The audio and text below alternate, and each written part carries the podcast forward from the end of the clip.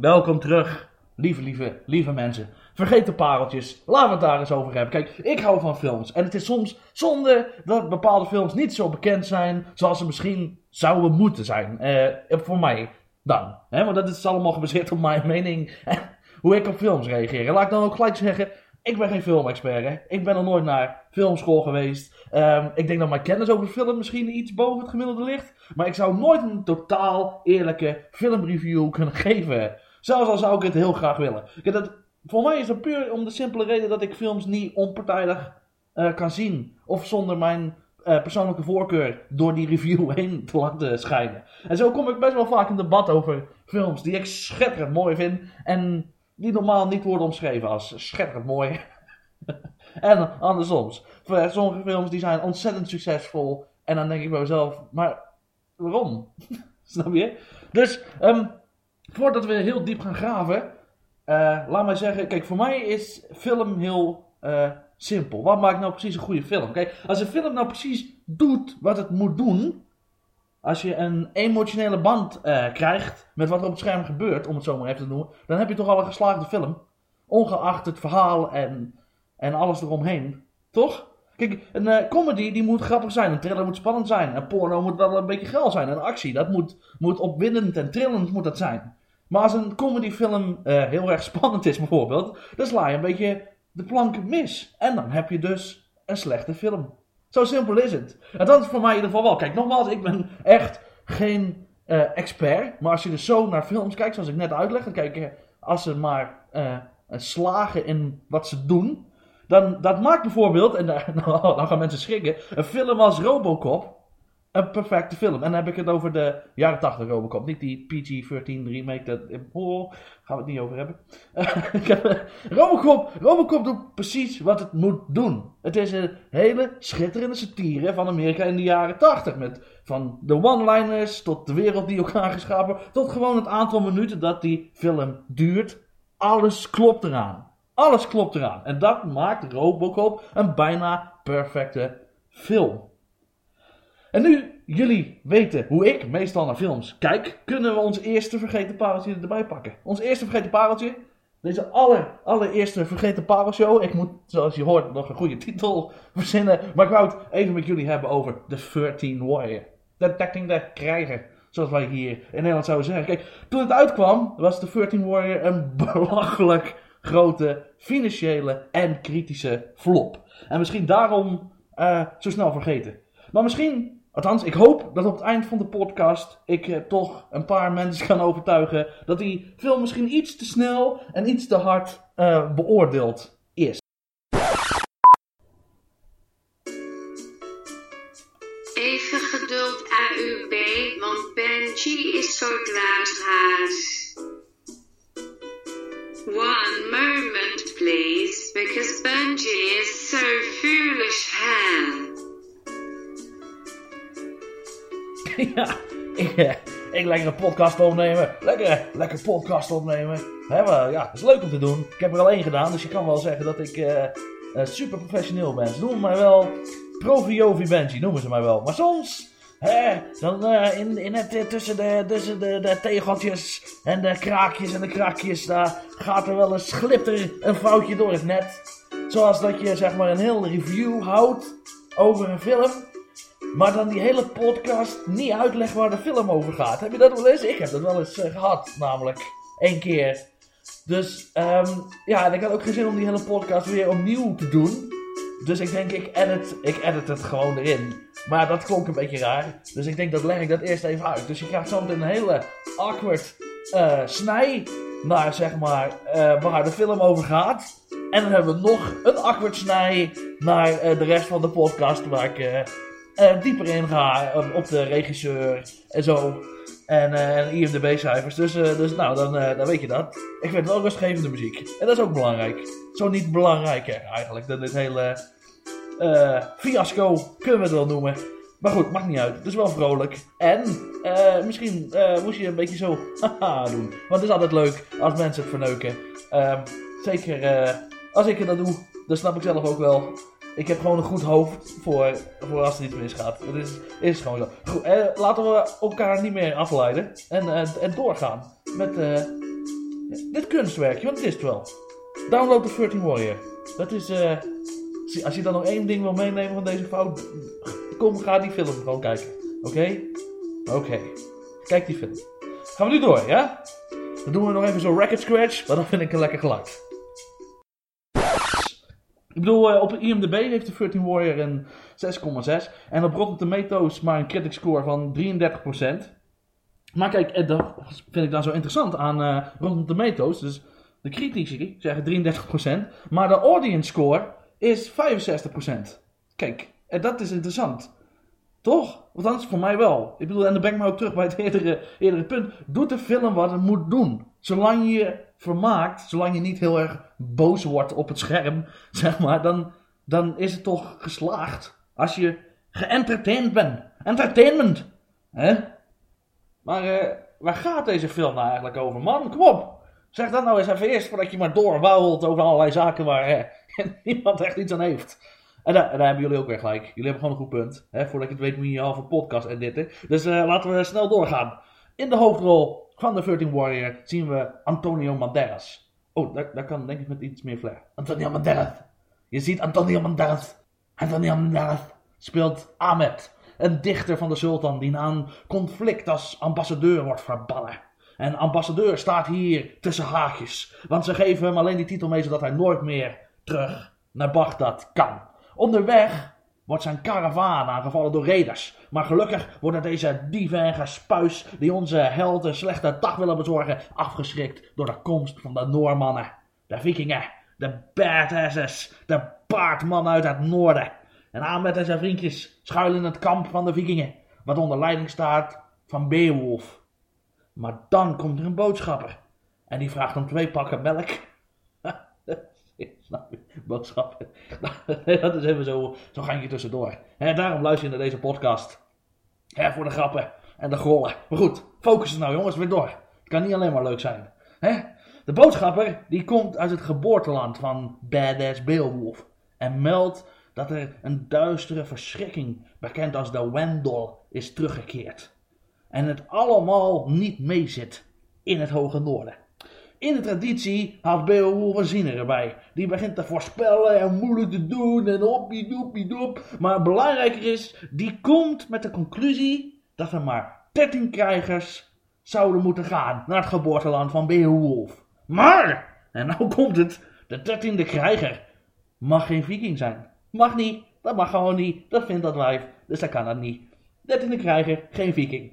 En aangezien Ahmed de enige jonge man is in de karavaan, mag hij mee met Beowulf en zijn vriendjes als de dertiende krijger. Om het kwaad te stoppen en vriendschappen te sluiten.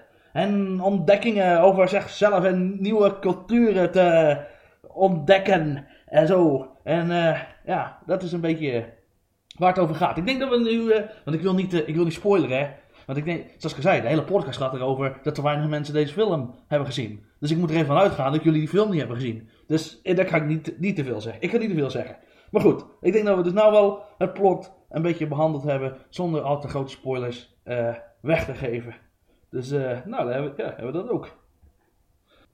Ik snap als je deze scores nou hoort van IMDb op Tomatoes, dat je misschien niet heel overdreven enthousiast wordt voor deze film. Wat ik ook wel snap, maar laten we een stapje verder gaan. Laten we even wat namen erbij pakken. De film is geregisseerd door John McTiernan. De regisseur van onder andere Predator, Die Hard, The Hunt for Red October en Die Hard with a Vengeance. Oh, ik kan... Uh, Die Hard with a Vengeance. Sorry. Ik kan, ik kan nog wel wat mensen boos maken. Daar komt hij. Die Hard with a Vengeance. Oftewel, Die Hard 3 is de beste Die Hard in de hele Die Hard franchise. Daar, ik heb het gezegd. Het is eruit, het ligt op tafel. Zoals ik al zei, ik ben geen expert, maar ik vind het wel echt. Dus ja, fuck jullie, zoek het dan uit. Zet de podcast dan uit. Ik heb jullie niet nodig. Nee, blijf. Ik ga nog veel meer mooi vertellen. Luister, dus we hebben een zeer uh, bekwame actie-regisseur. Um, ik bedoel, als jij maar 12 uh, films op je naam hebt als regisseur. En er zitten uh, de vier bijvoorbeeld bij die ik net al heb opgelezen. Dan, dan kunnen we wel concluderen dat je weet waar je mee bezig bent als het gaat om actiefilms, toch?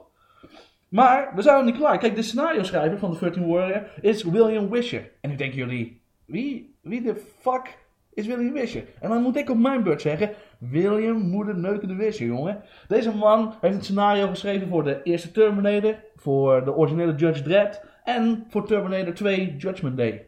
En het laatste, de laatste, dus Terminator 2, dat wordt uh, vaak gezien en terecht als een van de beste actiefilms ooit gemaakt. Dus ook de schrijver weet waar hij mee bezig is. En als een soort uh, kers op de taart is de 13 Warrior gebaseerd op het boek The Eaters of the Dead. Door Michael Crichton, de schrijver van onder andere Jurassic Park, Park The Lost World, Twister, Sweer, Congo en Timeline. En misschien wat uh, interessant is, zeker als je net dit lijstje gehoord hebt, hij is ook de maker van de hitserie ER. De Merge over de Doctors. Wat, uh, daar is George Clooney in beroemd Doet er niet toe. Doet er niet toe. Ik vond dat een leuk feitje. Dus ik denk, ik, plak het er gewoon in. kan mij niet schelen. Dus, heeft hij ook gedaan. en zoals een meneer, die heette Willem, Willem, Willem. Shakespeare. Willem. Shakespeare Shakespeare die zei ooit, what's in a name? En blijkbaar dus wel uh, heel wat. Want nu puur omdat ik dit verteld heb, wil ik die film weer kijken. Ongeacht de negatieve reviews. Dit is een groepje mensen die zeer bekwaam zijn in het maken van een actiefilm. En in mijn ogen hebben ze met de 13 Warrior redelijk goed effectief werk uh, afgeleverd. Kijk, uh, en wat ook zo belangrijk is bij film is de muziek hè. En de muziek in deze film, man. Man, een van Jerry Goldsmith's beste scores ooit. Echt waar. Niet qua uh, emotionele piano-deuntjes en zo. Maar nogmaals, het gaat allemaal om de sfeer en de toon van je film. Een middeleeuwse actiefilm, wat de 13 Warrior is, moet een soundtrack hebben wat, ja, hè, wat daarbij past. En Goldsmith die levert echt puik, puikwerk. Ik bedoel, uh, combineer maar eens gewoon de muziek vanuit het Midden-Oosten met een middeleeuws vikinggevoel. Ga er maar eens naast na, ga het maar eens doen. Dat is niet normaal. En hij doet, en hij doet het zo goed.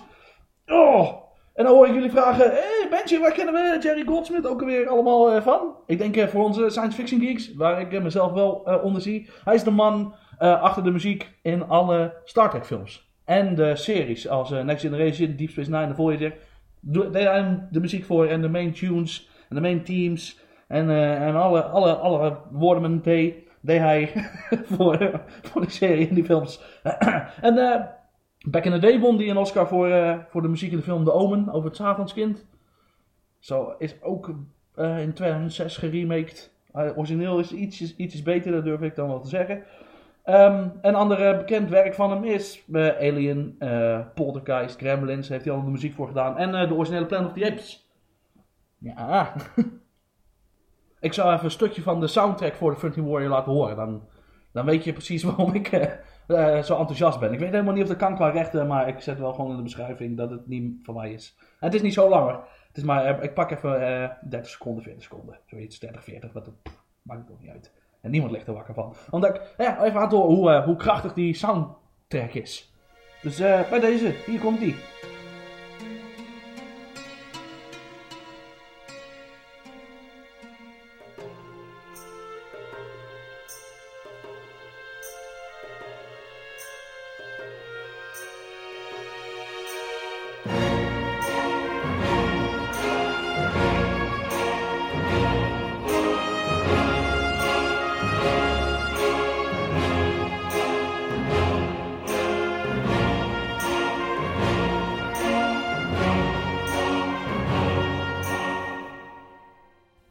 Maar jongens, hier krijg ik nog stijve tepels van. Ik wel hoor, dat mag je gerust weten. Fucking hell, ze steken nog een shirtje heen. Dat kan ik je gewoon vertellen. Dat zou ik uh, misschien niet moeten vertellen, maar zo leren we elkaar ook een beetje kennen. Hè? En dat is ook belangrijk. Um, dus even samenvatten. Competente mensen maken een competente actiefilm met toen nog een onbekende Antonio Banderas. Althans, op het moment dat ze die film aan het schieten waren. Want terwijl de film in 1999 uitkwam, is de film opgenomen zo twee jaar daarvoor. Dus toen Antoniootje begon met het maken van deze film, was hij nog redelijk onbekend. Maar in die twee jaar van reshoots en recuts zaten nou net Evita en The Mask of Zorro. Wat hem toch een zeer beroemd en geliefd maakte bij het grotere publiek. Twee jaar, ja ik zei het goed hoor, twee jaar. Door de vele reshoots en oneindigheid met de studio bleef de première maar uit en liepen de kosten maar op en op en op. Wat allemaal dus eindigde in een gigantische financiële flop. Ja, ik zei oneindigheid. Ik bedoelde oneenigheid. Er was oneenigheid met de studio, niet oneindigheid. Oneenigheid was er met de studio. Wat was er met de studio? Oneenigheid was er met de studio, jongens. Hè?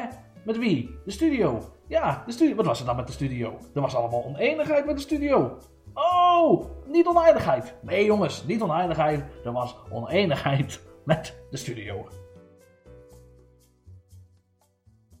Maar de reshoots horen nu ook een beetje bij de mythe rond deze film. Niet alleen stapte de regisseur dus uit het project omdat hij het commentaar van de studio helemaal zat was. Wat betekent dat Michael Crichton, de schrijver van een boek waar deze film op gebaseerd is, eh, veel van deze reshoots heeft moeten regisseren. Maar, en nou komt het interessant, althans wat, wat ik dan zo mooi vind, zonder eh, credit op zich te nemen. Als je gewoon de film kijkt, staat er alleen Michael Crichton, schrijver van het boek. En niet schrijver van het boek en regisseur. Dus hij heeft alle credits, alle regiecredits, gewoon bij onze oude, oude vriend John gehouden. En daar hou ik van, die, die loyaliteit die je laat zien aan je, aan je opgestapte regisseur door zijn werk over te nemen.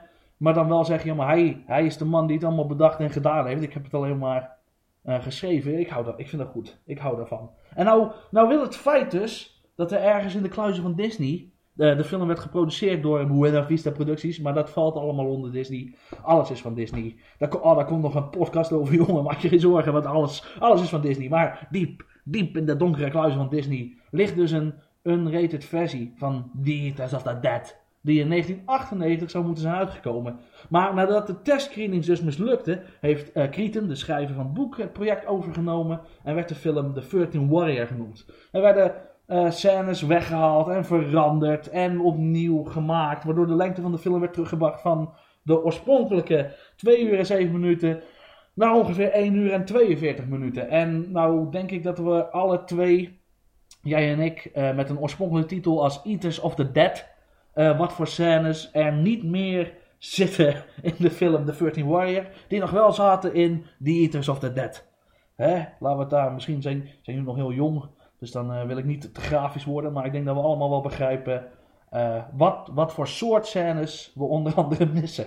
En uh, deze unrated versie, dus met die scènes, om het zo maar even te noemen, is nog nooit door het publiek gezien. En Disney kennende gaan we die ook nooit zien. Maar ja, het zorgt wel voor een leuk verhaaltje. En mocht je nou ooit een podcast willen maken over de 13 Warrior, is dit weer een mooi verhaaltje hè? om erbij te vertellen. En het draagt ook nog eens bij aan de mythe over deze film. Nu even weer terug. Nu had de film al een vrij hoog gepland budget. Maar door deze vele reshoots en recuts en woppliep en hopsies voor hopsies zou dit bedrag bijna zijn verdubbeld. Maar goed, dat zijn onze zaken niet. Dat zijn onze zaken toch niet. Waar, waar, waar bemoeien we ons mee? We waren er niet bij. We weten niet hoe het is. Doet het de film kwaad? Fuck nee! Sterker nog, een van de hoogtepunten in deze film zijn de sets. Het was, het was de jaren 90, jongens. Ik neem jullie mee, mee naar de woelige jaren 90. En CGI stond na Jurassic Park nog in de kinderschoenen, zoals jouw script zei. En dan rennen er honderden paarden met mannen erop, verkleed als beren van een berg. Dan had je maar één keuze. Dan liet jij honderden paarden met mannen erop, verkleed als beren, van een fucking berg afrennen. En allemaal verschillende paarden. En verschillende mannen. In verschillende berenvellen. En het is allemaal echt. Het voelde allemaal echt. Want het was echt. En dat zie je. Dat valt op. Dus niet copy-paste vier paarden tot je er 400.000 hebt. Want die neppe shit valt op. Je ziet dat het nep is. Ja, ik heb het tegen jou. Return of the King. En omdat CGI in de kinderschoenen stond. En de film dus al een groot budget had. Verplaats je je in de film jezelf van de ene schitterende setpiece naar de ander. Gevuld met honderden extra's. Waardoor die hele wereld die ze creëren gewoon echt aanvoelt. Je kan het bij wijze van spreken bijna ruiken. En dat is misschien iets wat tegenwoordig ontbreekt. Jullie moeten deze film gewoon gaan zien. Ik weet ook niet meer wat ik er verder nog over moet zeggen. Alleen doe jezelf een lol. Ga deze film zien. Echt waar. En je zal. Ik beloof, je komt niet van een koude kermis thuis. Dat beloof ik. Ik beloof het gewoon. Hier bij deze is het een harde belofte. Alle mensen met misschien uitzondering van de studio. Die wisten waar ze mee bezig waren. Banderas is overduidelijk heerlijk in zijn element. En de chemie met zijn medespelers. Dat spat gewoon van het scherm. Is het een historisch correct meesterwerk? Nee. En dat probeert het ook niet te zijn. Het is gewoon een heerlijke, meeslepende, spannende avonturenfilm. Die door de schitterende sets en de hele goede muziek lekker wegkijkt. Gewoon negeer alsjeblieft. Negeer de negatieve reviews. Want The 13 Warrior is één van de vergeten pareltjes.